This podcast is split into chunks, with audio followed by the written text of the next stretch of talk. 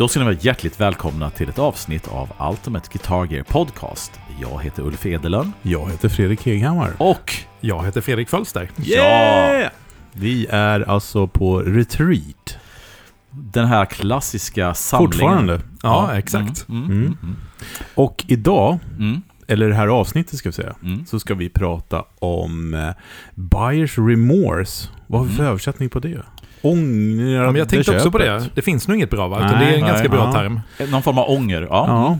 Och du Fölster, du ska snacka om eh, nivåer på olika gitarrer. Ja, precis. Nivåskillnader och hur man kan hantera det. Ja, Mhm. en livesituation liksom. Exakt, Ja. det är en lyssnarfråga. Och sen ska vi testa Kittycaster, en pedal, en fuss. Exakt, Groovy Wizard heter den. Oh, Oh. yeah. Så häng med så kör vi.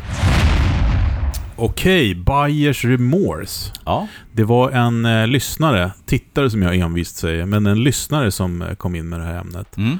Eh, och det slog an lite grann. För att någon gång har man väl känt det här tänkte jag. Och då kände vi att det här var ett kul ämne att snacka om lite grann. Och om man ska då försöka definiera, du menar alltså det här att det kan uppstå en ångerkänsla efter man har köpt någonting? Alltså eller någon, någon känsla som inte är positiv? Eller hur ska man uttrycka det? Ja, precis. Det kan ju skölja över en. Ehm, jag, kan, jag kan börja lite grann. Som Mm. jag, Ja, men kör du. Ja, men, eh, på sätt och vis är det så här att en av de absolut bästa gitarrer jag har är tysktelen. Det kan vi väl hålla med om. Absolut. Mm, den Den har ju ni också som eh, lyssnar på det här hört frekvent. Mm. Även om det blir en ny uppstickare i just den här eh, avsnittet. Ja, eller de här, den här serien från Retreatet helt enkelt. Mm, mm. Eh, så var det ju så att den köpte jag lite för mycket pengar. Mm. Eh, och den hade jag ju, om du kommer ihåg det, du Uffe framförallt, Mm. ganska mycket buyers remorse ett tag. Men Ja, det, liksom, precis. det överspolades ju av den fantastiska gitarren som det är. Men ändå så kände jag så här att den här har jag betalt alldeles för mycket för. Ja. Eh, och det var en jobbig känsla att ta. Nu har jag släppt det. Mm, mm. Det är preskriberat. Yes. Men ändå är väl det eh, en typ av buyers remorse. Mm. Alltså, det var, på den gitarren kan jag säga att det var nästan så att jag hade Buyers Remorse och dina vägnar på den. för att jag tyckte att det var så väldigt mycket pengar för någonting som eh, ingen av oss visste någonting om riktigt. Du visste lite Fredde såklart. det Ja, var jag hade ju så, men- testat den i Ja, bakluckan exakt. på Och det, parkeringsplats. egentligen räcker ju det. Egentligen ska ju det slå mer än vad det står på... Jo, Vad var det för huvud... Vad det, det står ju... jo men Ja. när, när man är uppe i de pengarna så är det ju liksom att då betalar man ju inte bara för vad det är. Nej. Och, och då ska vi också säga att man får ju äta upp, alltså man får äta upp vad man säger också. Vi, vi sitter ju på något sätt och dokumenterar samtiden i den här podden. Och Mm. vi, ni ändras ju med oss kan vi säga, kära lyssnare. Mm. Vi, eh, vi ändrar oss hela tiden vad vi tycker och tänker. Men jag har ju sagt tidigare väldigt tydligt och starkt att en ihopskruvad gitarr, alltså en ny då, Mm. skulle jag aldrig betala över 30 000. Ja. Och Det det får man äta upp. famous last words som det heter. Exakt. Ja. Nej men eh, och så, så för mig var det lite remorse, men det som var underlättade på den, det var att det var, inte, det var ingen vintagegitarr. Mm. Eh, och när jag har köpt vintagegitarrer, då kan jag säga att jag har haft remorse också, men det, det kan jag dela med mig om en liten stund. Men vad, har, har ni känt något liknande liksom? Alltså, jag tycker det är intressant, för jag, jag tror att hela det här med remorse, jag tror att det inte bara har med pris eller vad det är, utan det är själva processen som leder fram till köpet. För att om det går lite för snabbt, om man, ham- om man liksom agerar på halvvolley eller man ska säga liksom, Mm. shit, här, den, oh wow, pang, så smäller det till. Då kan jag känna bias remorse, inte för att det i grund och botten är fel instrument eller att jag inte har tyckt om instrumentet utan själva processen. Men det kan också bero på att jag, jag personligen är en sån så jag, jag behöver kanske liksom Det behöver landa i mig, jag måste tänka, stöta, blöta Låta det liksom sjunka in innan jag gör den grejen. Och gå, agerar jag för brådstörtat, liksom för snabbt Då kan det ge mig lite den här ångesten liksom. Så att det är en komponent som är upp, Om processen från beslut till köp går för snabbt Kan jag få lite ångest så att säga. det. Men vad, Det, det är en komponent, inte alltid så, men, men den finns där så att säga. men vad kul, för att jag, skulle nästan ehm, säga att det finns någon, eh, någon omvänd grej där också. Att om man har dragit ut på det för länge så kan man ha byggt upp för mycket förväntningar i sig, i sig själv. Som, som sen då när man kanske väl då slår till Eh, inte, alltså att, att det blir, fallet blir högre Ja, då på något det. sätt. Så Ja, eh, det. Ja. Jag skulle nästan säga att de här snabba rycken har ofta kanske resulterat i bättre känslor.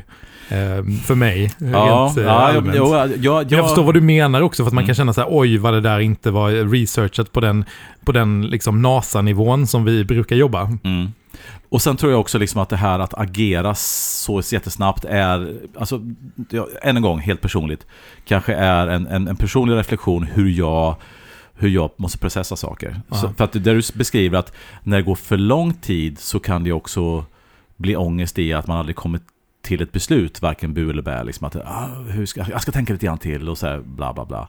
Det kan jag, alltså jag, jag, alltså, sweet spoten är någonstans mitt emellan. Man har tillräckligt med tid för att kunna göra ett bra beslut, men inte dragit ut för länge på det. Nej, jag fattar. Men det är inte alltid man kan leva den sweet spoten och det man är utanför sweet spoten som är säkert personlig, det är då det kan jag tänka att det blir lite ångest. Beroende på Ja. vad den slår åt så att Ja säga. men precis. Och Mm. om jag ska rannsaka mig själv när jag sitter här och pratar så tänker jag att mesta som har med buyers remorse för min del Mm, är att jag har betalt för mycket för något. mm, Det är väldigt sällan jag får det för att jag inte tycker om det jag har. Ja, jag fattar. Eh, utan då kan det vara för mig så här att ja, men jag, köpt, jag, har- jag har försökt efter min, min, min förmåga kolla upp saker och ting. Jag har fått den, jag är jätteglad. Jag, du vet den här förälskelsen som man har när man får något nytt. Ni vet vad jag Ja, pratar om mm, allihopa. Absolut. absolut. Eh, och sen så går det någon vecka eller två och så, så skruvar det bort det där plektrumskyddet och sen så ser du någon liten kabel som har blivit skarvad eller du ser något litet Mm. pott som inte har rätt värden och då... Åh, det gör så ont. Mm. För, men nu snackar du liksom det som är specifikt kanske vintage. Ja, när ja men när varje liten skruv kan påverka värdet. Ja, exakt. Mm. Men, men, men det, det var det jag menade med tysktelen, så var det inget, det är ingen vintage-gitarr på så sätt. Det, det är en del gamla delar på den, men, men det, är liksom, det är mer plus. Ja. Eh, men när man köper en vintage-gitarr och man tycker... Men, men då brukar det bli så här att ja, men den låter ju bra, den känns ju bra hit och dit. Men Mm. det är ändå den här jävlen på axeln som sitter. Du, du, du har gjort en dålig affär, du har gjort en dålig affär. Men, men alltså, får jag fråga då? Är, du säger att det, om det är något dyrt, är det, är, är det ångest för att det är bara generellt sett mycket pengar? Eller är det ångest för att fallhöjden ifall att det inte är 100% är så hög? Alltså att, du kan, att, man, att man kan riskera att förlora pengar? Eller är det bara själva beloppet, att det är mycket pengar i sig? Vad, Nej. vad är ångesten? Ja, nej men absolut. Jag tror, initialt så är det ju fallet, Mm, skulle jag vilja säga. mm. Men sen är det Risken, också... risken för fallet? alltså. Risken för fallet, Mm. men sen så är det ju också eh, den här liksom eh, proceduren kring det. Att ha ett instrument som inte är riktigt vad man trodde att det var. Mm, Eh, och man kanske ska sälja det sen. ja. Alltså det är, en jäkligt, det är jäkligt jobbigt att sälja ett instrument som inte är hundra. Mm. Alltså kring... Ja, ja, ni vet vad jag menar. Ja, man liksom här, man, ehm, jag tror jag berättade förut någon gång. Jag köpte en, en gitarr i en affär. En 74 Tele. Eh, och då liksom köpte en affär. 100, eller så, original. Mm. Och hade den i 15 år. Mm. Sålde. Och eh, personen som köpte den sa, ja men du vet att det inte är en 75, eh, 74 va? Jag bara, jo men det är det visst det. Jag kollar här i kvittot. Mm. Han bara, ja fast det är en 75 Liksom. Mm. Så visade han mig, och, han bara, det är lugnt, jag vill ha den ändå. Mm. Mm. Men, och jag tänk, det är bra pris och allting. Det är inte, Ja. Bara så du vet. Jag Ja. bara, ja, jag ber så mycket om ursäkt. Alltså man kände, man kände sig så dum. Mm. Ehm, och den gitarren hade jag ju ingen buyers remorse på så sätt när jag köpte den. Men så att säga, det kan ju bli någon form av remorse senare i processen. Och hur många, jag menar du som nu driver affär, jag menar du måste ju träffa, inte än kanske, men på sikt dagligen folk som kommer in med saker som de tror att de har, som de inte har. Jo men så är det ju förstås. Och då blir det ju Ja. en post buyers remorse Ja. på sätt Ja, och vis. Jo men så är det ju alltid liksom och det, det är ju Sen kan det gå tvärtom att man trodde man hade något som var Men så visar oj det var en sån här Men Vanligast är väl att det går åt fel håll så att säga Det är väldigt sällan som man har köpt någonting som är Med bättre man- gitarrer är det troligt, eller Mm. oftast så. Det är lite trist Ja. att det inte är tvärtom. Nej där. men precis ja. Men, när, men, men när, kände, när kände du, har du känt buyers remorse, Fölster? Fölster har känt, bara- ja men inte så mycket faktiskt ska jag säga. Jag har varit ganska Mm. förskonad för det och det handlar ju också om lite vad man tar för eh, risker, vad man handlar för grejer, vad man köper Ja. saker. Att, att handla mycket begagnat är ju en sak som, eh, alltså det, det mm, Eller ja, nej, okej, förlåt. Jag tar tillbaks. Okej. Det är ju snarare tvärtom. Eller det finns både och där, men alltså, om Ja. jag tänker på det här monetära buyers remorsen. Ja. För att, alltså jag ska ändå säga det att, att eh, på den nivån som jag sitter hemma och spelar så kan jag inte riktigt motivera den mängden av gear som, som både finns och rullar in. Men jag kan alltid på något sätt känna ett lugn i att, att jag gör schyssta affärer och liksom, det är inga pengar som går ner i brunnen. Det är, inte liksom, det, det är ingen högteknologisk utrustning som blir utdaterad och sådär. Utan Ja, det, är liksom, Mm. det är saker jag kan njuta av och skulle liksom världen gå under så, så ja, behåller det sitt värde hyfsat i alla fall.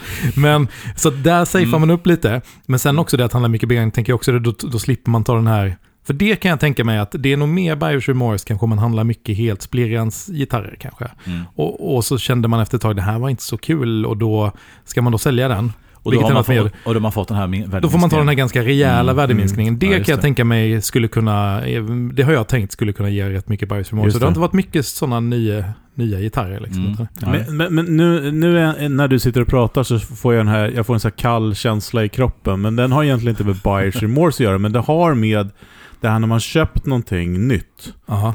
Och när man liksom råkar få första dingen eller någonting. Om den kommer lite för fort, om ni förstår vad jag menar. Det är inte buyers remorse, men det ändå hör ihop med köpet. Det är allmän en ångest. Det är en ångest som hör ihop med, med införskaffandet. Att man, åh nej, vad gjorde jag liksom? Mm. Eller, Det är därför jag väldigt sällan köper nytt.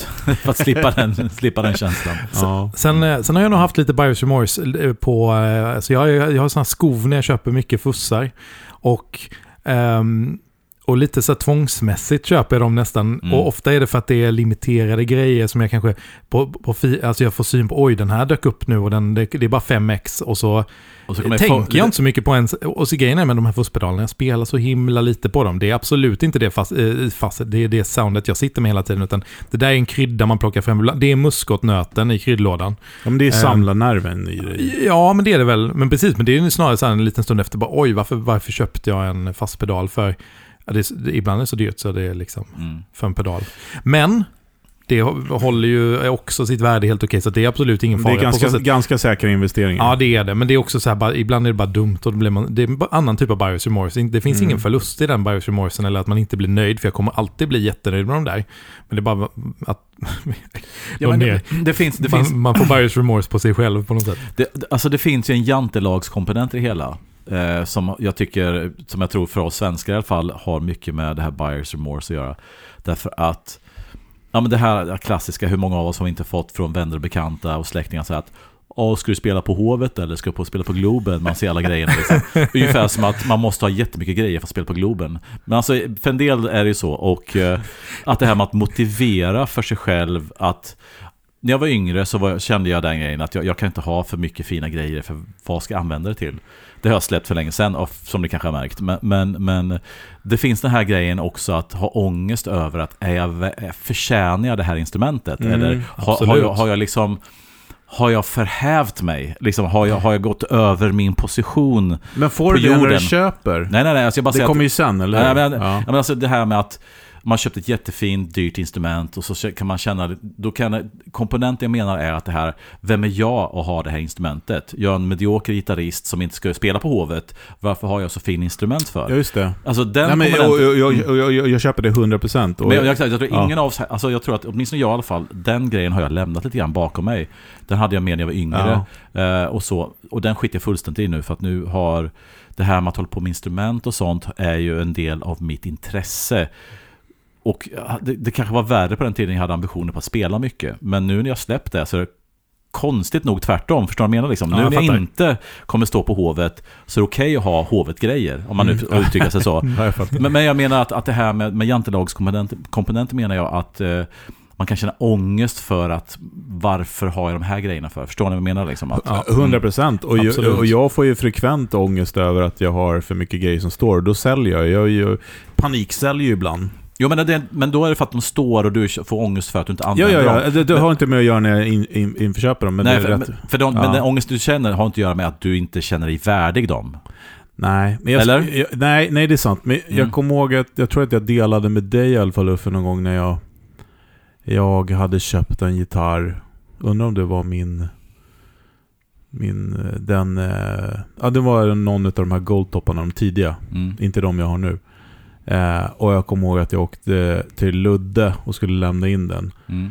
Och jag eh, åkte med min bil och jag gick in där och, och gick ut och la in den i bakluckan och åkte dit. Och då bara kände jag så här, vad, vad, vad är det för äcklig person jag har blivit? kommer du ihåg att jag ringde dig då? Ja. Och jag bara, jag hade sån jävla ångest. Jag bara, åh nu sitter jag här med den här, åh, nej det var ingen, det var ingen kul. Jag har liksom blivit den som jag själv föraktar kände jag. Men eh, en annan liten kul anekdot med det här med att spela, spela på Globen, eller vad man säger. Mm. Min, jag hade ju en liten fetisch för att jag behövde case till allting. Mm. Hard case, flight Just case. det. Ja. Mm. Eh, och det är bara för att jag liksom... Vi alla har väl sett de här bilderna i gitarrtidningar förr, eller Allman Brothers-omslaget och så grejer. Och, Mm. med, med bandloggor på. Alltså, jag går Ja. igång på det. Det är, Sprayat liksom så här, ja. i, det är kanske är det jag ska göra. Jag ska sälja gitarr och köpa casear. Jag tycker det är så jävla coolt. Det är nästa steg liksom. Jo, men och, så att en, ett tag så köpte jag ju casear till allt jag hade. Och, och alltid min fru bara, ska du på turné eller? Mm. Nej, inte, inte i år heller. Ja, men det är gött med casear, det är bra, utom när man är på vår nivå. Ja men det, Ja. ibland kostade, då på den tiden kostade casearna mer än det jag hade i dem. Ja, ja, ja men precis. Ja. Mm. Ja, men alltså, Ja, men jag, kan, Mm. jag kan slänga in, för att Ja. Eh, bjöd ju ändå på ett, eh, klockrent, eller ett, ett klockrent, men ett eh, tydligt exempel här med tysktelen. mm. Um, Asher-gitarren som förde oss samman från början, som vi har snackat om innan. Ja. Mm. där fanns det drag av Buyers Remorse. För där köpte jag någonting helt osett, eh, som var ganska nisch, men absolut inte hade haft möjlighet att testa innan. Så, alltså det var ju ändå, ja men det får man säga. Och för mig speciellt då, ehm, så var det ganska nytt. Jag hade bara varit inne i Fender Gibson-världen innan. Men eh, den Remorsen räddade ju du Fredde ganska snabbt eftersom att samma dag som jag fick hem den här gitarren ja, och då, jag postar ju aldrig på de här Facebookgrupperna om gitarrer, men just då gjorde jag det för jag hade lite fil. Man är inne i lite flow. Jag gjorde det. Och du skrev ju sam, alltså bara en timme senare att du köpte den för vad jag hade gett för den direkt om jag ville. Och det är på något sätt så jag hann aldrig få var, jag någon- så, var jag så direkt? Oh ja, absolut. Oj, shit. 100 procent. Oj, Jag, jag ger vad du gav för den och jag kan hämta den nästa vecka typ. Eh, och eh, så, så att eh, det, det, det fanns liksom ingen möjlighet för mig att utveckla någon Remorse. Det hade det absolut kunnat bli där. Det hade inte kallnat ens liksom. Nej, det hade... Fredrik var bara pang på. Laser, laserblicken. Det är ju bästa Ja. medicinen, det är att någon annan vill ha det du har. Eh, Så kan vi väl ja, säga. Ja, det kan nog vara. Men precis, jag hann aldrig ens utforska möjligheterna till Buyers Remorse där. Det fanns många anledningar till att ha Buyers Remorse på den gitarren. Så att, eh, men det, det ska vi mm, prata Var jag mer- verkligen så pushy? Ja. Det, eh, om, någon, om någon har en så stark, eh, liksom, om man orkar s- tumma upp sig i vår konversation på Messenger så långt upp, Ja. så kommer du hinna, hitta det. För jag kommer ihåg vad du skrev på posten. Ja, det kommer jag också ihåg. NGD så in i helvete. Ja, men det var en GD så in i helvete. Men det var, det var liksom, det var saker med den som inte stämde riktigt. Ja. Eh, och, eller ja, så ska jag inte säga. Men, Men det alltså, för kommer, mig, det kommer en, en, vi ska prata om det vid ett annat tillfälle. Ja, det ska vi göra. Men, men eh, inte för att avbryta det på något Nej, sätt. men det får du göra. Mm. För jag var typ klar där. Men jag bara säger att du räddade mig där. Ja. Och eh, då kan vi säga det, Buyers remorse, det var det jag skulle säga, eh, tänkte på tidigare också. Buyers remorse kan ju- eh, vi, vi får så counter, hur många gånger har de sagt det här Ja. ordet nu? Eh, B, BM säger jag. BM. Nej men Nej. alltså det kan ju också BM. vara, eh, jag tänkte på ämnet, att det kan ju också vara grejer man inte köpte. Mm. På sätt och vis. Det var inte riktigt det som det här menas med, utan det här menas Not, med... not buyers remorse. det här då. menas med Ja. när du har köpt något och du känner ångest över Ja, att du har fått precis. det eller att det inte är som Ja. det ska hit Men- dit. Men, f- förlåt, den här eh, Asher-gitarren, när du postade NGD så in i helvete så kände jag, det där är min gitarr. Det var jag som skulle köpa den. För jag hade gått så himla länge och dragit på att jag skulle ju precis beställa en ja, men du tänkte säkert, precis som jag kanske tänkte, att det finns inte en annan person i Norden som är intresserad av den här. Exakt, det var det Nej. som höll mig tillbaka. Liksom, om jag, och, och dessutom när det, du... det var inte något jag hade tänkt på att höll mig tillbaka. Nej, Nej, nej, bara att det är så udda. Ja men när någon... du postade den, Mm. då var det så här: okej, jag kan inte köpa en till. Kommer aldrig bli av med den här om jag inte gillar den. Nej, precis. Om det för den finns två. Kvoten är fylld nu i norra Europa. Ja, shit. Ja, så det var ju också lite bias i så att jag inte var Först på bollen. först på Mm. bollen. För, Men- för det, det du, du snackar om, tvärtom. Det, det är nästan ett helt eget avsnitt när, faktiskt, när man pratar Saker man om... ångrar, Ja, att man precis. inte köpte. Men, det är så men- lätt att vara efterklok där också. Ja. Ja. Men också alltså just det här när man dras med känslomässigt. Det, det kanske har med den här tidskomponenten jag snackade om innan, att det går för snabbt.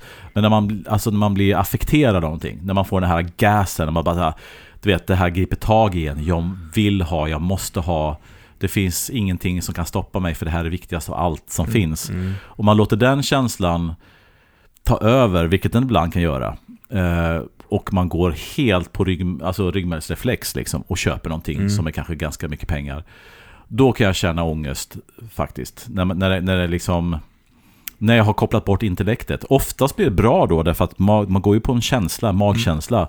Ehm, och det är kanske bra att inte koppla in liksom de här, ja men tänk om, bla bla bla, så här, utan gå på den grejen. Men jag, jag personligen kan känna att när det går, när jag, när jag kör all in på den prylen så kan jag ha, tycka det är jobbigt innan, jag, innan, innan huvudet hänger med. Absolut, Förstår men samtidigt så? Mm. jag tycker ändå på något sätt att det är det rätta sättet att jaga känslan. För att det här är, det här är tips, tips från coachen höll jag säga. Nej men alltså, jag har ju då när man, delar ju med mig det här avsnittet när jag pratar om i huvudet på en dåre, men det här när man eh, på senare tiden när jag köpt liksom vintage-gitarrer, då, då stålsätter jag mig Mm. och, och stänger av känslor Mm. när jag tittar på instrument. Eh, och det är jättebra för min del, Mm. som köpare, att jag kan hitta fel hit och dit. Det är inte det bästa när man vill köpa något. Nej. För att eh, det är någon annan som sitter där som har det här instrumentet, som har känslor för det. Mm. Som man trampar på tårna genom att säga att det där är inte det, det där är inte det, det där. Även om det är så, Mm. så är det en jäkla balans där. Och det ska jag säga att bästa är ju i sådana fall då, om man vill undvika buyers remorse, att man har båda.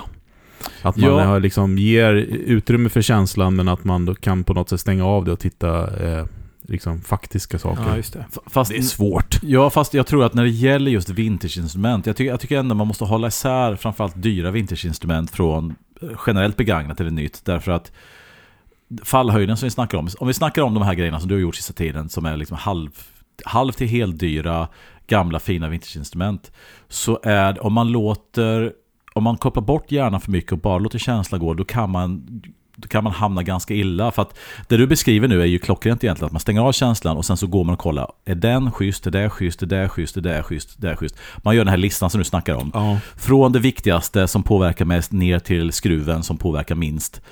Och har man då liksom 70, 80, 90 procent om den, ja men då kan man låta känslorna komma fram. För om man låter känslorna styra först innan man kollar de här grejerna som man kan förlora halva värdet på till exempel då, omlackning eller halsbrott Ja. och sånt där. Så gör man ju sig själv en otjänst. För då kommer man ju nästa gång inte våga släppa fram känslorna när de behövs släppas fram. Mm. Så det där du beskriver, alltså det är också det här att, att hitta balansen mellan koll och känsla. För att det blir för mycket av det ena eller andra så blir det inget roligt. Det kan ju påverka liksom hela känslan eller hela vibben av och affären så att säga av Mm. det hela.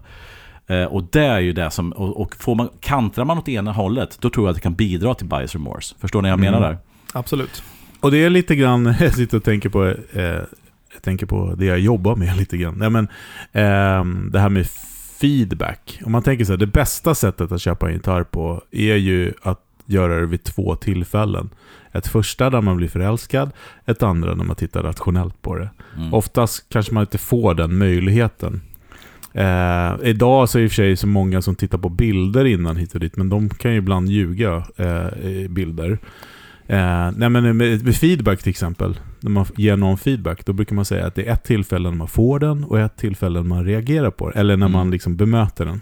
Men, men det är inte lite farligt om man låter känslan vara den första grejen? För det är den som kommer vara starkast då. Om jag tänker på just med vintage, om, om du behöver gå igenom den här listan, om hela listan som du kollar på filtreras genom en känsla av att jag vill ha, är inte det risk för att du hoppar över små detaljer i den listan då?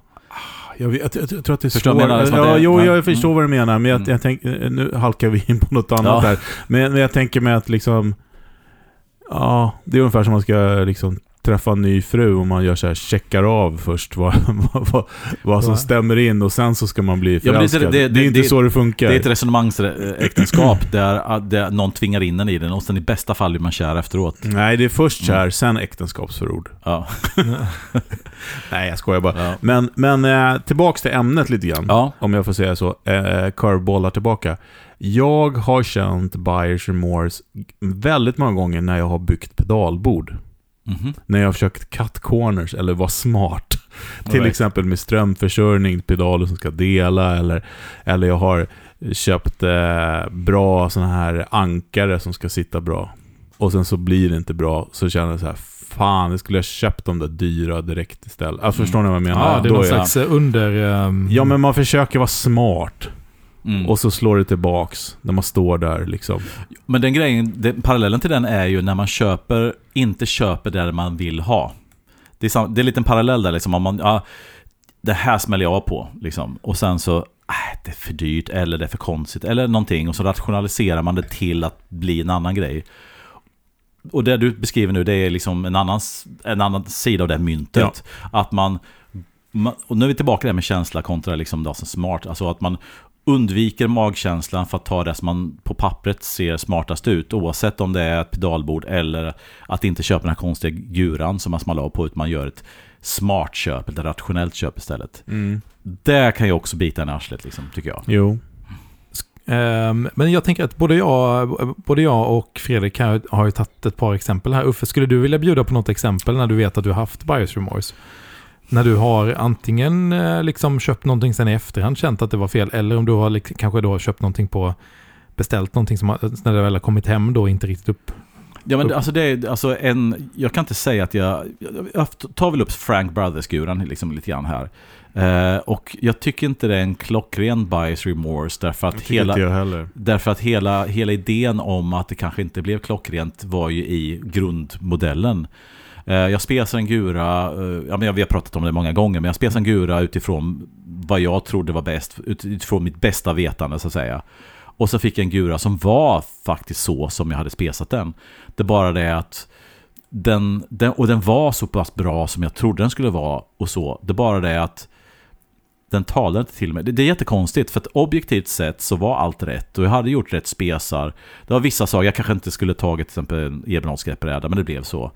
En av de grejerna. Men, men jag connectade inte med den. Och det kan också ha att göra med att jag hade haft så mm, för gott tid på mig att vänta på den och spesa den och ändra dit och den där. Ja, nu, nu har jag förfinat ytterligare 3%.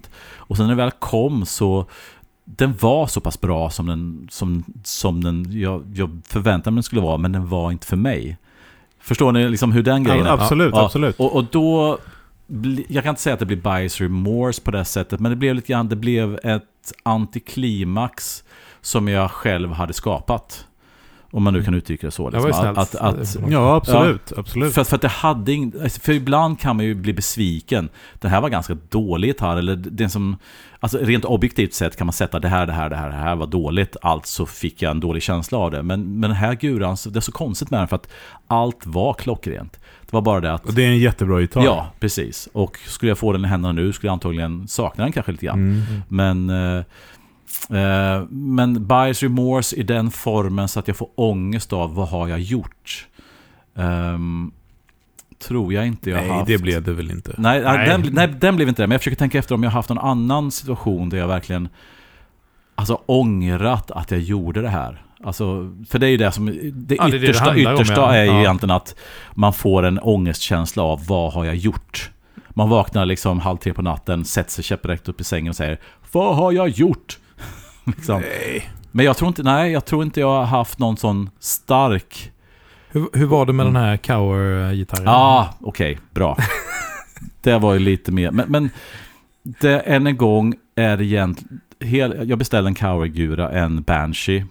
Och ni som har följt till exempel Rival Sons vet ju att gitarristen där har ju då Firebird-liknande instrument som inte alltid är Gibson utan det är Cower då. Banshee heter den. Och jag beställde en sån av Cower. Och jag tror också vi har snackat om det i podden och eh, det hände... det kommer mer om den också. Ja, och det hände någonting i hela den processen. Dog drog ut på det. Jag tror han hade jättestruligt. Folk blev sjuka, folk hade motorcykelolyckor och någonting. Så det blev en jätte, jättelång process. Och när jag fick den så var den helt enkelt lite färgad av hela processen som inte hade varit så trevlig. Dessutom hade det fått en smäll i frakten så att eh, lacken hade spruckit i, i en scarf joint. Så det ser ut som att det var en större skada än vad det var. Det var bara en lackskada. Men allt det där bidrog till. Så när jag väl fick den så var jag totalt avtänd. Och när jag fick den var det så här. Det var en jättecool gura. Fantastisk på alla sätt. Men det var, mina känslor mot den var helt off. inte klockrent bias remorse, därför att jag visste vad jag skulle få. Det var bara att processen Ja, förgiftade det- mina känslor Som kan man säga. säger, det är mer ett annat avsnitt av det. Ja, exakt, Ja. precis. Så att, så att bias remorse som vi har pratat om, det tolkar jag mer som att man gör någonting och sen när man får instrumentet vad det är så Jag känner man faktiskt- ångest. Ja. Ång, ånger, så liksom. Men det har jag nog inte... Nej, men jag kommer jag kommer på en här. Mm. Inte för dig, men för mig igen. Eh, eh, och den här, jag tror kanske vi har nämnt det förut också, men, men eh, vi har ju berättat om att du och jag lärde känna varandra Uffe, genom eh, Mystic Blues-grejen. Ja, just det. Mm. Eh, men också i samband med det så konstaterade vi att vi båda låg med Matchless-katalogerna. På kvällarna och bläddrade. låter nästan så incestiöst, men liksom... Ja. Ja. Ja, men den där katalogen alltså. Ja. Jag, jag låg och tittade på den där. Jag tyckte det var så fantastiskt. Då. Och jag beställde ju utav Bruce, då på mugg, en Lightning Just det, du- 212 Lightning. 212. Ah, det det. custom, de är 212, de är 210 egentligen. Eh, och när jag fick den där då, då eh, den kostade 15 000 kronor. Den var 97. Mm, mycket pengar då. Att för mig så var det var ju liksom typ min månadslön. Mm. Mer till och med. Eh, ja, det var fan mer. Eh, och jag fick den där och var så jävla glad. Men eh, jag hade ju aldrig spelat på en Mm. El84-förstärkare någon gång. Mm. Och jag spelade funk då, en ren gitarr liksom. Ja, just det. Eh, jag kommer ihåg jag och min då, eh, hon var inte fru då, men hon blev fru sen. Vi var nere och vi stod och släckte ner replokalen. Och hon stod så här och, och flyttade kablar så jag fick testa vilken jag tyckte bäst om. Min förstärkare som jag hade som var en Baseman eh, 62 Ja, med press presence. Ja, ingen dålig förstärkare. Nej, men precis. Och Nej. en topp och en 212. Eh, eller den. Och hur vi än gjorde så var det hela tiden då Basemanen som vann. Och då Mm. var det verkligen buyers remorse. Mm. Ja. För, för det var ingen liten... Det var inget litet eh, jobb med att få hem den där. Fattar du vad du skulle älska den förstärkaren nu? Jag vet! Snälla någon som lyssnar som har den. Låt mig få köpa tillbaka En den. grön Lightning En- 212, det kan inte finnas många i Sverige. Nej, det kan I ni verkligen världen. inte göra. Nej. Jag vill ha tillbaka den. Mm. Jag vill ha en ny chans. Men det där är ju typ den perfekta upplägget för en buyers remorse också i och med att, för jag tänker på det som jag sa innan där med att, jag, liksom att man köper begagnat och safear upp. Det är också tvärtom för att eh, du, Uffe, du som är i detaljhandeln nu, det är ju Mm. liksom öppet köp på det mesta väl. Så att jag, Ja. om du skulle, alltså ofta infinner sig buyers remorse ganska snabbt. Det är, inte, det är sällan den dyker upp ett år senare, utan det är ju liksom ganska snabbt efter. ja, just det. Ja, fast Mm. jag har ändå en fråga till er två. Ja, okej. Eh, som har med det att göra. Är det någon annan person som har fått er att känna buyers remorse?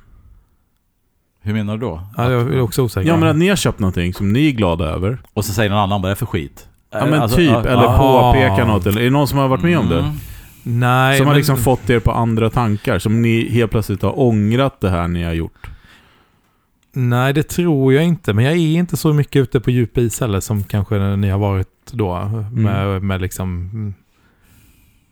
Förstår ni vad jag tänker? Ja, jag förstår absolut. precis. Att det är någon som har sagt Ja, antingen det, då... är till klart, man, det är klart man har gått och verifierat något instrument Alltså, det- och det är det- inte vart vad man trodde att det var. Men, men, Men det, det, Men du tänker ju liksom allmän upplevelse också, att det är någon som har sagt kanske du var, var, var, det var oskön hals den här har och sen börjar du tänka på det och sen så är det liksom... är det ja, typ eller den- vad ful den är, eller vad illa, vad vass den låter. Ja, Alltså det, det är få som har det inflytande på mig. Det är väl typ ni runt bordet och en handfull till som, som skulle kunna säga en sån sak där jag verkligen tänker efter. Vad fan har jag gjort? Så det är Liksom. ingen, ingen trummis i vårt band eller någonting.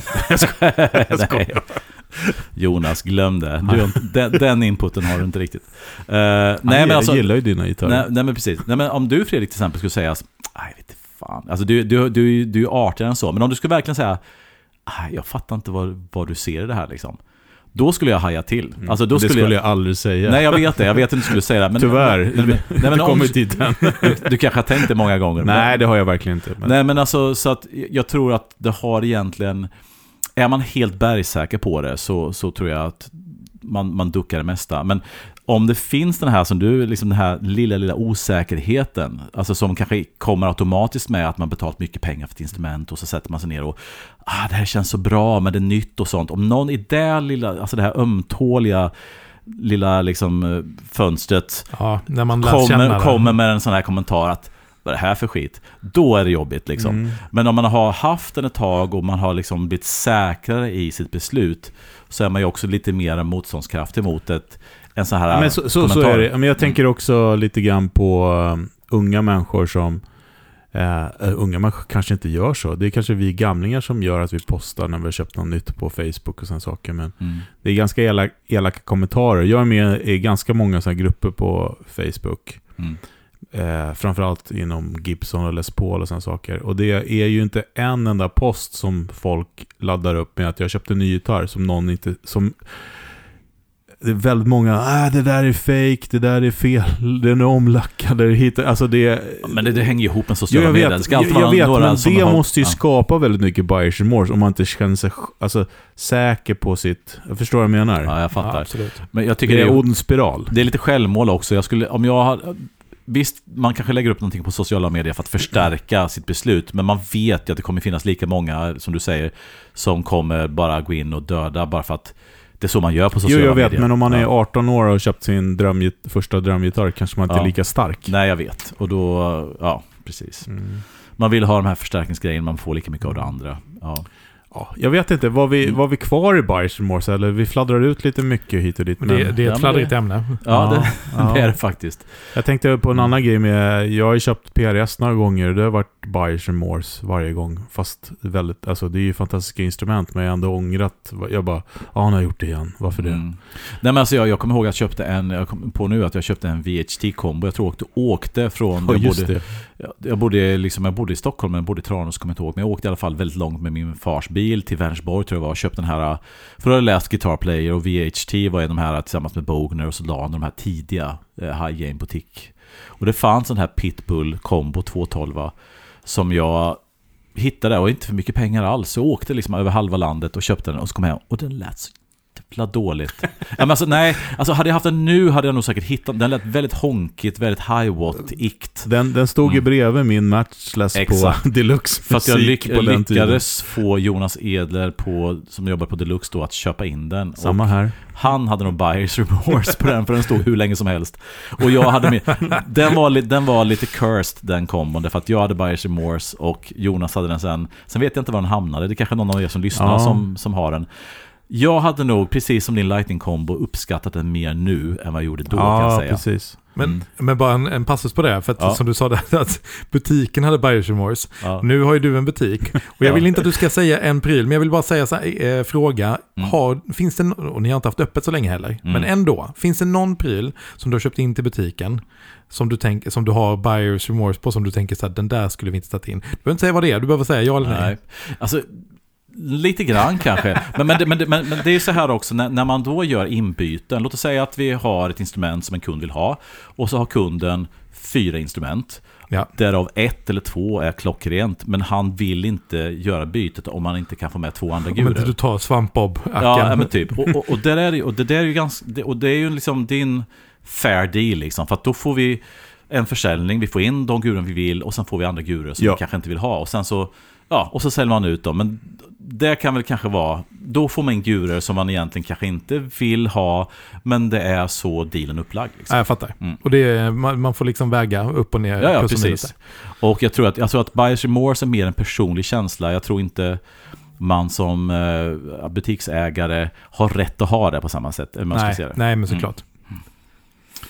Ja men du, eh, jag tänkte säga, ska vi gå till, till södern? Men ska vi gå eh, vid sidan av bo, runt bordet här? helt Ja, det enkelt? tycker jag. Till den där... uh, Den där. Kör veckans fölster. Ska vi köra veckans fölster? Är du beredd? Ja, vi kör. Ja, det kör vi. Ja, kör.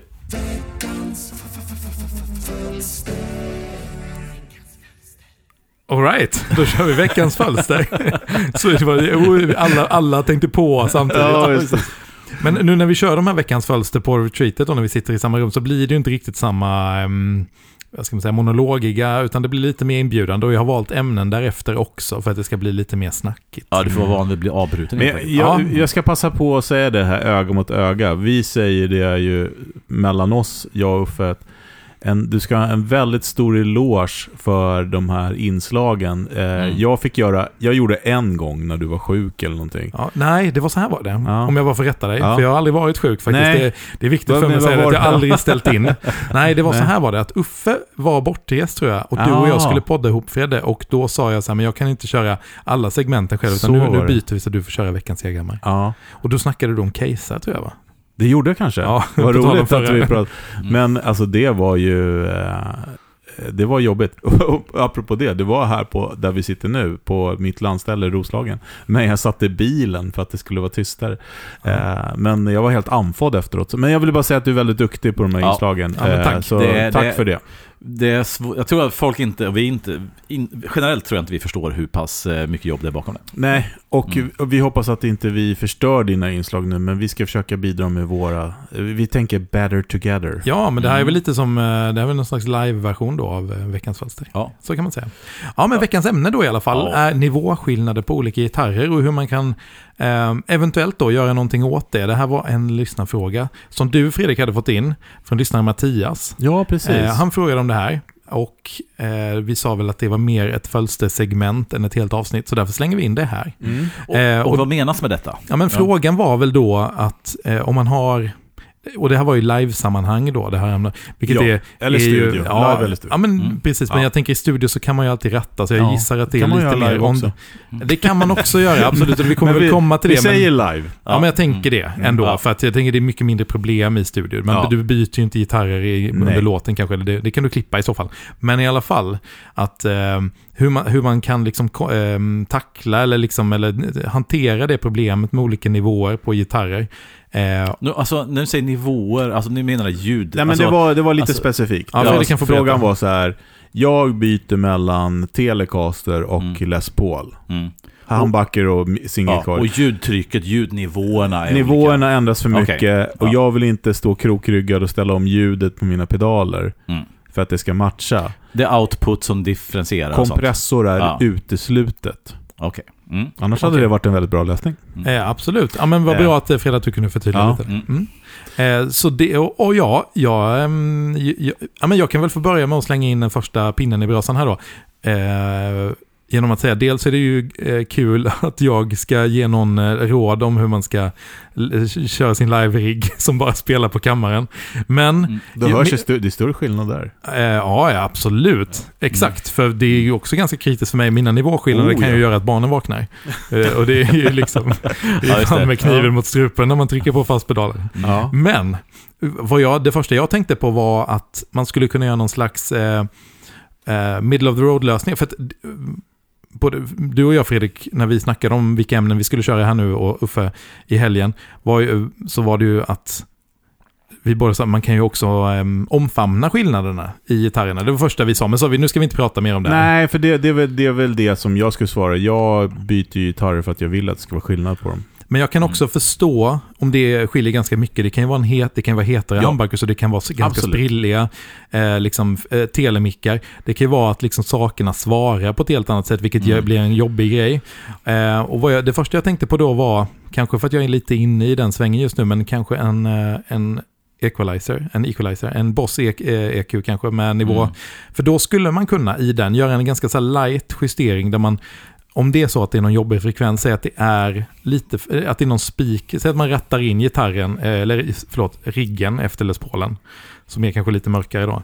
Och sen så när man sätter på telen så blir det så himla bright. Då skulle man kunna liksom ducka de grejerna lite i EQn och så skulle man också kunna skicka också samtidigt då på eh, telen upp volymen bara en aning. Mm. Och då har man liksom, man, man vill ju, målet är ju inte att, att de ska låta exakt likadant, men man kan låta dem börja närma sig varandra på ett lite mer angenämt sätt kanske då. än Ja, men att, absolut. eh, Och då mm. skulle man ju kunna ha, om man bara byter mellan två, att man har ingen EQ på telen och så har man EQ på Les Paulen till exempel. Ja, Eller, eller tvärtom såklart.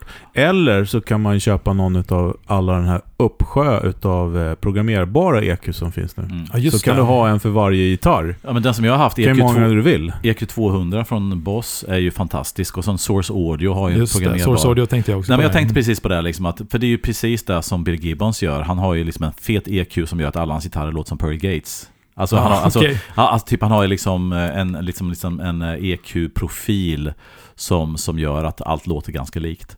Eh, och, det, och jag menar med en bra EQ så kan du dels ha presets, så du, har, en- du, du shapear en EQ efter varje gitarr. Och sen kan du även på inom den EQ-preseten också ha en volym. Så att, precis som du säger, du kan kompensera för volym och kompensera för, för de här pikarna och de olika liksom, konstigheterna som en gitarr har. Just det. Det, det är nog kanske det bästa rådet. Samtidigt som det är ett väldigt bra råd så tycker jag att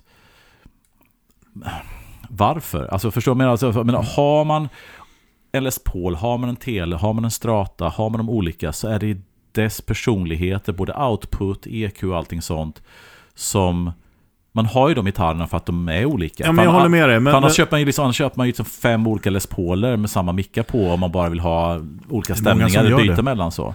Men, men jag tänker så, så ändå vad, vad, vad, är, vad är Ja, men jag- liksom orsaken till det? ja, men det var ju att eh, han vill... Eh, eller jag, jag ska inte bara säga att det är han, utan jag, jag, det här har jag hört från många. Så att, eh, man vill ha en Unity-nivå mellan sina gitarrer. Eh, och bara för att ge några mer tips, är det okej? Eller vill Ja. du säga något? Nej, men jag tänkte bara säga att jag fattar vad du menar Uffe, men Mm. det kan ju vara så att det blir för stora hopp. Man vill åt de olika soundsen, men att just nivån där, att det blir att det svarar olika. Mm. EQn var någonting som jag själv hittade på, men jag tänker att det kan bli så. Rattar man in efter en Les Paul så kanske det inte är klockrent att köra en, säg strata stallmick rätt in direkt efter. Nej, och jag menar då är en EQ, om, om man då är väldigt, väldigt försiktig med, med Ja. själva EQ-kurvan och bara kompenserar lite, lite grann och sen använder volymen mer. Uh, å andra sidan är det så att när du höjer och sänker volymen så händer ju saker till med, med EQ-kurvan, Fletcher Munson och allt Mm. det här liksom. Så att, eh, nej men, så att jag, jag tror ändå att en EQ med både volymmöjligheter och eh, inställningar för olika band, som då EQ200 som jag tycker är en fantastisk pedal, är klockren. För att det inte ska bli så, alltså för att, ljud- för att liksom riggen ska limma med båda gitarrerna mer då kanske Ja. än att man ska få dem att låta likadant. Ja, men- för det tror jag inte är det som Nej, han är ute nej, efter nej, nej, utan jag tänker mig då att man vill åt liksom att en, en humbucker mättar overdrive-pedalen lite mer än en single coil. Men, men några konkreta tips där, det skulle ju kunna vara då att man har en volympedal efter alla pedaler, till exempel innan de går in i förstärkaren. Det blir lite Fletcher Munchon där också, men... Och det är svårt att få en volympedal. Ja, ja, men det är ändå ett Ja. tips. Ja. Ett annat tips är att köpa den här eh, Lele har. Eh, och jag vet att Gigrig har en sån här ABC-pedal där du kan ha liksom... Du har Les Paulen in i en ingång med volym, du har i, eh, telen in i en ingång med volym och så Mm. byter du mellan dem när du byter Just gitarr. det. Alla Ja. som har sett ett pedalshow har sett den där. Ja, Ja, exakt. kör den alltid. Den är också ett alternativ. Ett annat alternativ är ju att ha att man, eh, en automaton. Mm. Där du kan liksom ha olika presets. Den, ja, men den är ju nästan som en programmerbar EQ. Ah, fast, absolut, Du, absolut. fast du har en preamp-del Ja, också. men kanske mitt, eh, mitt absoluta råd är ju att eh, sätta ett treble på dina gitarrer och använda volymkontrollen. Ja. Men kommer det, kom- kommer det få eh, liksom Les Paulens utsignal att uh, limma bättre? Eller du tänker då får Les Paulen vara mer avrullad? Ja, då? om man tänker att man kan dra ner den lite då. Men då kanske du inte får det du vill från pedalerna. Så att det kanske inte är så bra tips ändå. Men, men jag tycker så här att det som händer ibland när man dra- drar ner volymen på gitarr är att den blir lite muddig, lite basig. Mm. Och då svarar inte pedalerna likadant. Men om du har treble bleed och drar ner lite på gitarren så har du kvar hela frekvenserna och får ändå samma, kanske lite mindre push då i pedalerna. Men ändå alla frekvenser. Ja, jag fattar. Jag tror överhuvudtaget att vi gitarrister är för dåliga att utnyttja, utnyttja dem. Eh, ja, men du vet som ljud, ljud och volymkontroller på gitarrer eller på förstärkare innan vi behöver köpa en massa gadgets för att lösa någonting som vi skulle kunna lösa på enklare sätt. Jag säger inte att det alltid är så, men ibland går, Rätt vi, ofta är det så. ibland går vi över ån efter vatten. Liksom. Okej, det här. Eh, Mm. Sista tipset från mig Mm. eh, är antingen en, en transparent, vad fan är det tänker ni? Ja men en, en boostpedal då som färgar ljudet lite. Mm. Eh, som man då kan ha på den som eh, på telen då, om den låter mindre än Les Paulen. Eller eh, en underdrive, där man liksom Ja, just det. Mm. S- sänker när man trycker på den som har mest Mm. output. Jag, jag tror ändå en EQ-pedal är klockren, därför att när, när du jobbar med volymerna så händer det är inte bara att volymen sänks, utan frekvensen ändras ju beroende på hur pass- Tyvärr. Sådär, Mm. Så att För, för att när du hej, sänker och höjer volymen så måste du ändå kompensera vissa frekvenser som sticker iväg eller som försvinner. Nu sa jag att jag skulle ge ett slutgiltigt tips där innan, men jag har faktiskt Du kommer ett till. till, Ja, ja, men ja. alltså jag har ju med, med två generationer, tre generationer eh, pedalbord tillbaks, så hade jag ju eh, den här Tulan, kommer ni ihåg det? Loud Mm. Som absolut. sköt som volym något fruktansvärt. Ja. Eh, och det löste jag ju med att jag använde eh, Hudson Broadcast. Som är som germanium... Eh, är det väl? Ja, ja, Mm, det är det väl. det är en- väl en trans- transformator i den också. Ja. Mm. Eh, Strunt sak samma. Den sväljer det mesta. Den är ju som en, kanal på ett eh, NIV-board eller vad det nu är. Mm. Eh, den gjorde så att jag kunde liksom... Den jämnade ut nivåerna lite Mm. grann. Det vart som en limiter. Ja, Ja, det det var lite limiter, Fast ja. inte ja. kompress... Inte, inte, jag gillar inte heller kompressorer på så Mm. sätt. Men den gjorde någonting som att nivåerna vart lite jämnare. Mm. Precis, det var lite din uh, mastervolym för pedalbordet. Ja, precis. Mm. Så att det är också ett tips. Ja. Hudson Broadcast, det löser det mesta kan jag säga, en sån jävel. Den är bra. Ja. ja, men då har vi liksom en, en handfull med bra tips i alla fall tycker jag. Ja. Mm. Kul och eh, lycka till. Ja, Ja, ja. eh, och hur gör ni där ute? Det vill jag veta. Är det Mm. någon som har något mer tips? Man kan ju ha en ljudteknik med sig också. Mm. Det måste vara många som brottas med det här problemet ändå. För som du säger Fredrik, ja, men hur, hur förstärkare svarar, hur overdrive svarar och sånt. Det, kan ju inte allt, det, det är klart att det är härligt att de skiljer sig lite, men det är tråkigt om man plockar upp den andra gitarren och liksom overdriven inte, inte distar längre, eller vad man ska säga. Nej, eller precis. tvärtom, att Ja. det liksom blev Mm. lite, lite för mättat istället. Ja. Men det, det, ja, det kan ju ha- också handla om att man väljer instrument som inte är så extremt olika också. Ja, Nej. jag vet inte. Det, är ju, Det, man har ju låter, kanske... det man, låter tråkigt. Ja, eller hur? Faktiskt. Mm. Fler instrument, fler personer som hjälper dig. Fler pedaler. Ja. Ligga och spela. Mm. Men eh, veckans pryl eller? Ja, Känner du dig nöjd med, med det här segmentet? eh, ja. Ja. Är, det här, är det här med i inspelningen? Ja, det är Ja, det det. absolut. jag är nöjd. Kanon. Ja, då kör vi veckans pryl. Ja, Absolut. ja, kom här.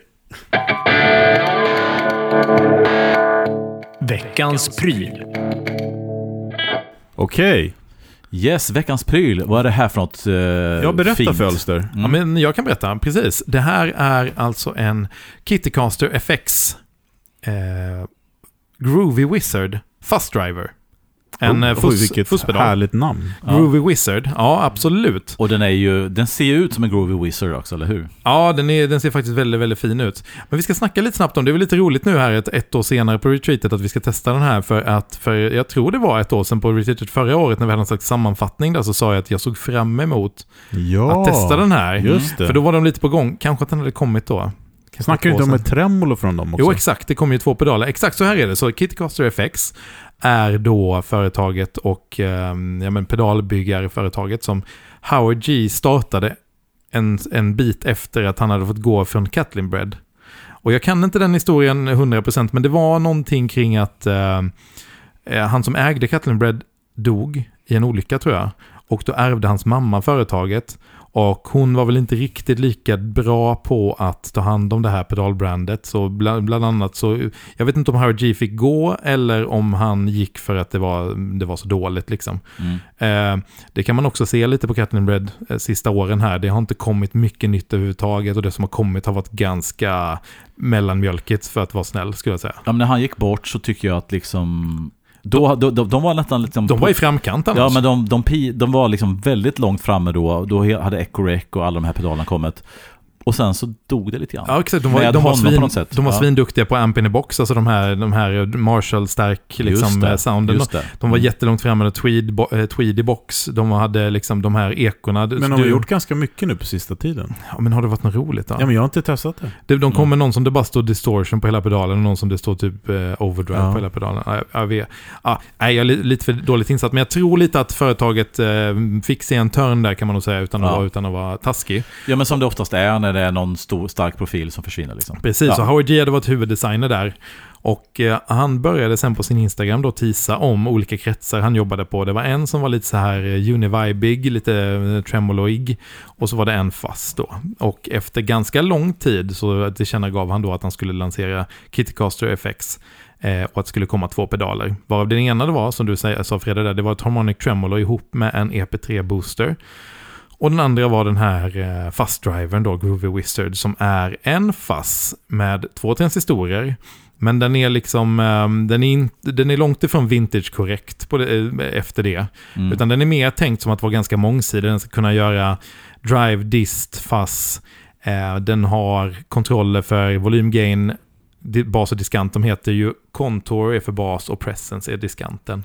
Eh, har den lånat någon, liksom, är den influerad av något? Alltså så fort det är två historia så tänker jag att det finns någon slags eh, nickning åt eh, fastface-hållet. Men det är inte, okay. alltså man kan ratta den åt det hållet om man vill, men den är inte en, det är ju absolut inte en fastface. Mm. Jag och sen är den också kul för den, den, är liksom, den kan ta både 18 och 9 volt. Nu har vi den inkopplad på 18 volt här. Vi kan testa okay. 9 sen också. Ja. Men det gör liksom att det blir något annat också, för många mm. fussar liksom lever ju mer i de lägre volttalen så att säga, ja, för, att, för, att, få den effekten. Därav kan den här bli lite mer drivig då. Aha, um, coolt. Nu sitter jag och hoppas som en litet mm. barn. Jag vill höra. Mm. Ja, det ska vi göra. Ska vi börja med att uh, tysktelen är hemma. Mm. Och nu har vi en, uh, en amerikanare här, höll jag på att säga. En Stratocaster. Ja, en 74 Strata fast med Ron Ellis 64S-mikrofoner. Precis. In i Dreamen. In i Dream. Dreamen är med som vanligt. Och det låter så här.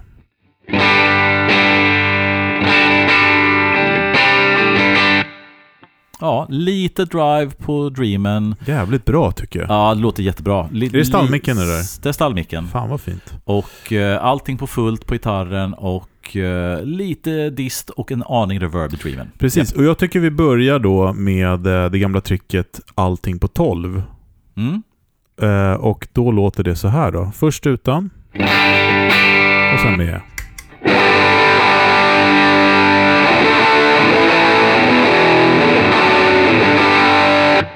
Jävla riv. Får jag, får jag bara säga snabbt här, för ja. att, vad, vad, jag tycker att den här lever så bra i, om det då är en...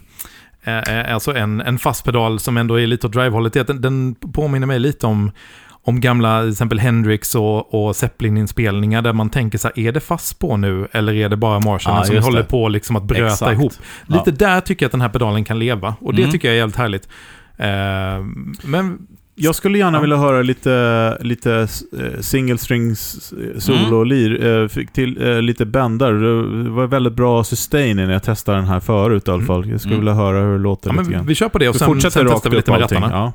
Och det är på 18 volt nu då, det är viktigt att säga. Ja, just det. Och det var med ackord.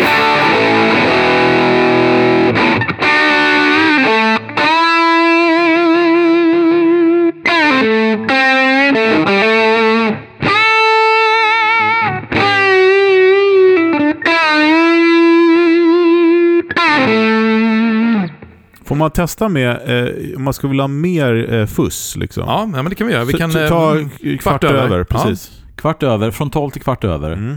Och lite single string. Ja.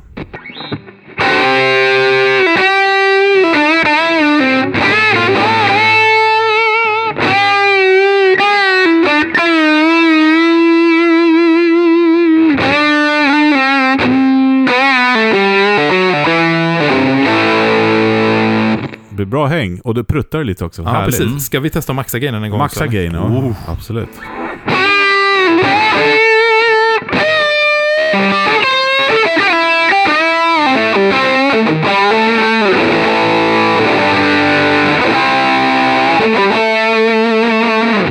Skulle vi här sen då också öka på basen lite det som kallas för kontor på pedalen, då börjar vi närma oss lite det som jag tänker är lite mer fastfacet liksom, om vi kanske sätter den kvart över också då. Mm, så.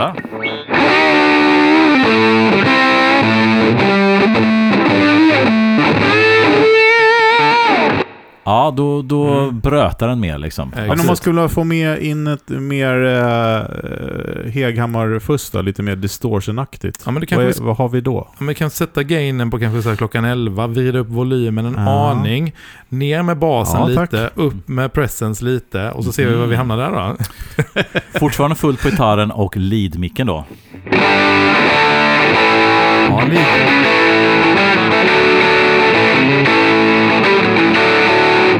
Om man skulle få bort Mm. lite fuss och lite mer, alltså lite mindre näsa så att säga.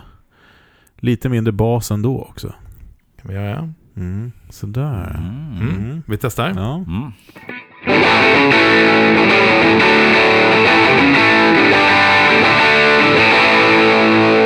ja, man hör att den mättar ju Dreamen, det är det som händer. Ja, det är. Dreamen som smetar ut och komprimerar nu, men det låter jävligt bra så.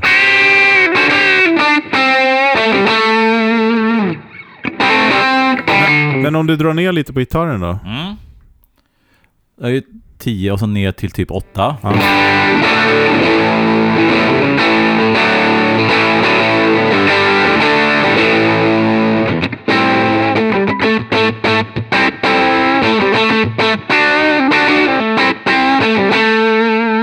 Ja, det låter bra, men jag skulle Mm. nästan vilja ha mer diskant alltså. Och Det kan vara så att den snor skans Ja. när man drar ner här. Så Så är det det är ju. en bleed cap på den här. För nu, det här, det här nu är är det 10. full diskant och ingen bas. Oh! Och sen drar jag ner till 8 på guran. Mm. Då försvinner lite Ja, jag diskant höjer lite här, vänta. Ja, men om- låt det vara kvar där. på 8. Okej.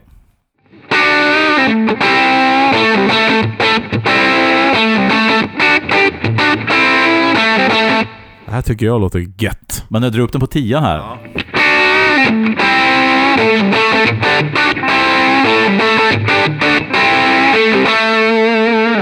Då får du lite håriga Ja, med. verkligen. Men man märker ju att den blir begränsad av Dreamen, eller hur? Ja, men så, så är det nog lite ja. Ja, det, det är mycket bottnar lite grann. Ja, Och sen, och sen lite grann att hade det varit en bleed cap på guran så hade de, de behållit den här diskanten på 8 fast lite Mm. mindre gain. Då hade det varit... ja, men det låter, mer jättebra, användbart. det Men låter jättebra. Hur långt Mm. behöver du rulla ner för att den ska bli clean nu då? Ja, vi ska se. Mm. 10. 8. Typ 6. 2, 3.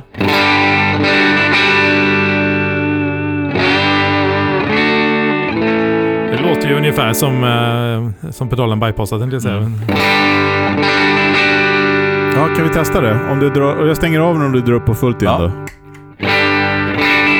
Ja, Och så lite, stä- lite mer sparkle. Och sätt på igen. Och sen är jag på trean typ. För, Föredrar ju det här ljudet. Ja, och sen om man drar upp på tian då.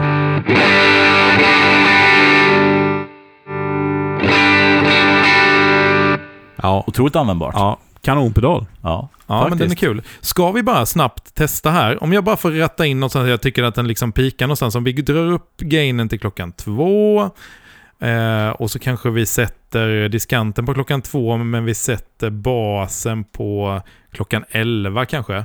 Och så om, om uh, Uffe kan få spela lite och sen ska vi testa bara koppla in 9 volt istället för 18. Okej, så det är full, fullt på gitarren och bara...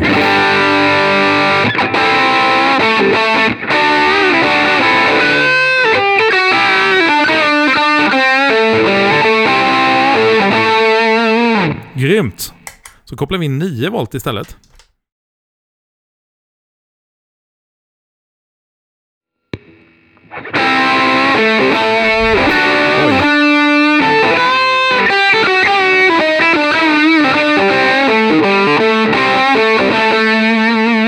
Vilken skillnad. Ja, men det, det blir så mycket mer än fusspedal då. Mer fusspedaler och sen så känslan när man spelar är att den duckar mer och blir krämigare och Ja. lite snällare mot anslaget eller hur man ska säga. Liksom. Och det är ju en smaksak där tänker jag. Mm. Men jag tycker för, för mig så tycker jag att den här är en väldigt kul för att just att den kan leva där i gränsland. Man kan ställa den så att den nästan pikar på en fast men så kan du jobba med volymkontrollen och liksom gå ner lite på, på drive-läge och sådär. Så det, det är kul. Får man använda ett slitet uttryck?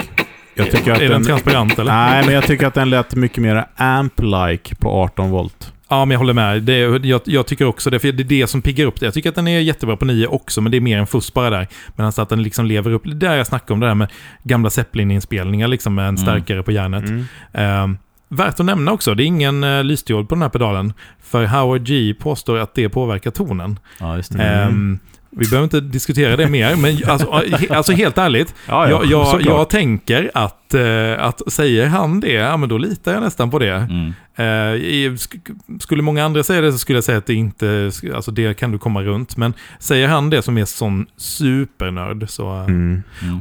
Ja. ja, men cool pedal och Ja. jag tycker att den har, den har en bra range. Liksom. Ja, och jag skulle nog säga att så skulle man ha ett här minipedalbord med bara liksom en... Det här skulle kunna ersätta både en drive och en fast typ då, så skulle man... Oh ja. Ja, så har man bara den här. Den är inte heller känslig för vad man sätter den i kedjan och så. Det är liksom en smart, ny, modern Mm. fast driver. Mm. Och för att knyta an till oss, eh, segmentet innan så eh, skulle den här lätt jämna ut nivåerna mellan olika Precis. gitarrer. Ja, det hade ju varit ett roligare tips innan. Sätt den fast på hela tiden i alla fall så kommer, så kommer liksom... Så, kommer- det ja, men det komprimerar. är, ju, det är ju så. Ja. Ja. Ja, ja, men eh, kul. Eh, Vi säger väl tack för idag. ja. det gör vi Eh, faktiskt. så hörs vi nästa tisdag. Ja, det gör vi. Hej på er! Hej. Hej då.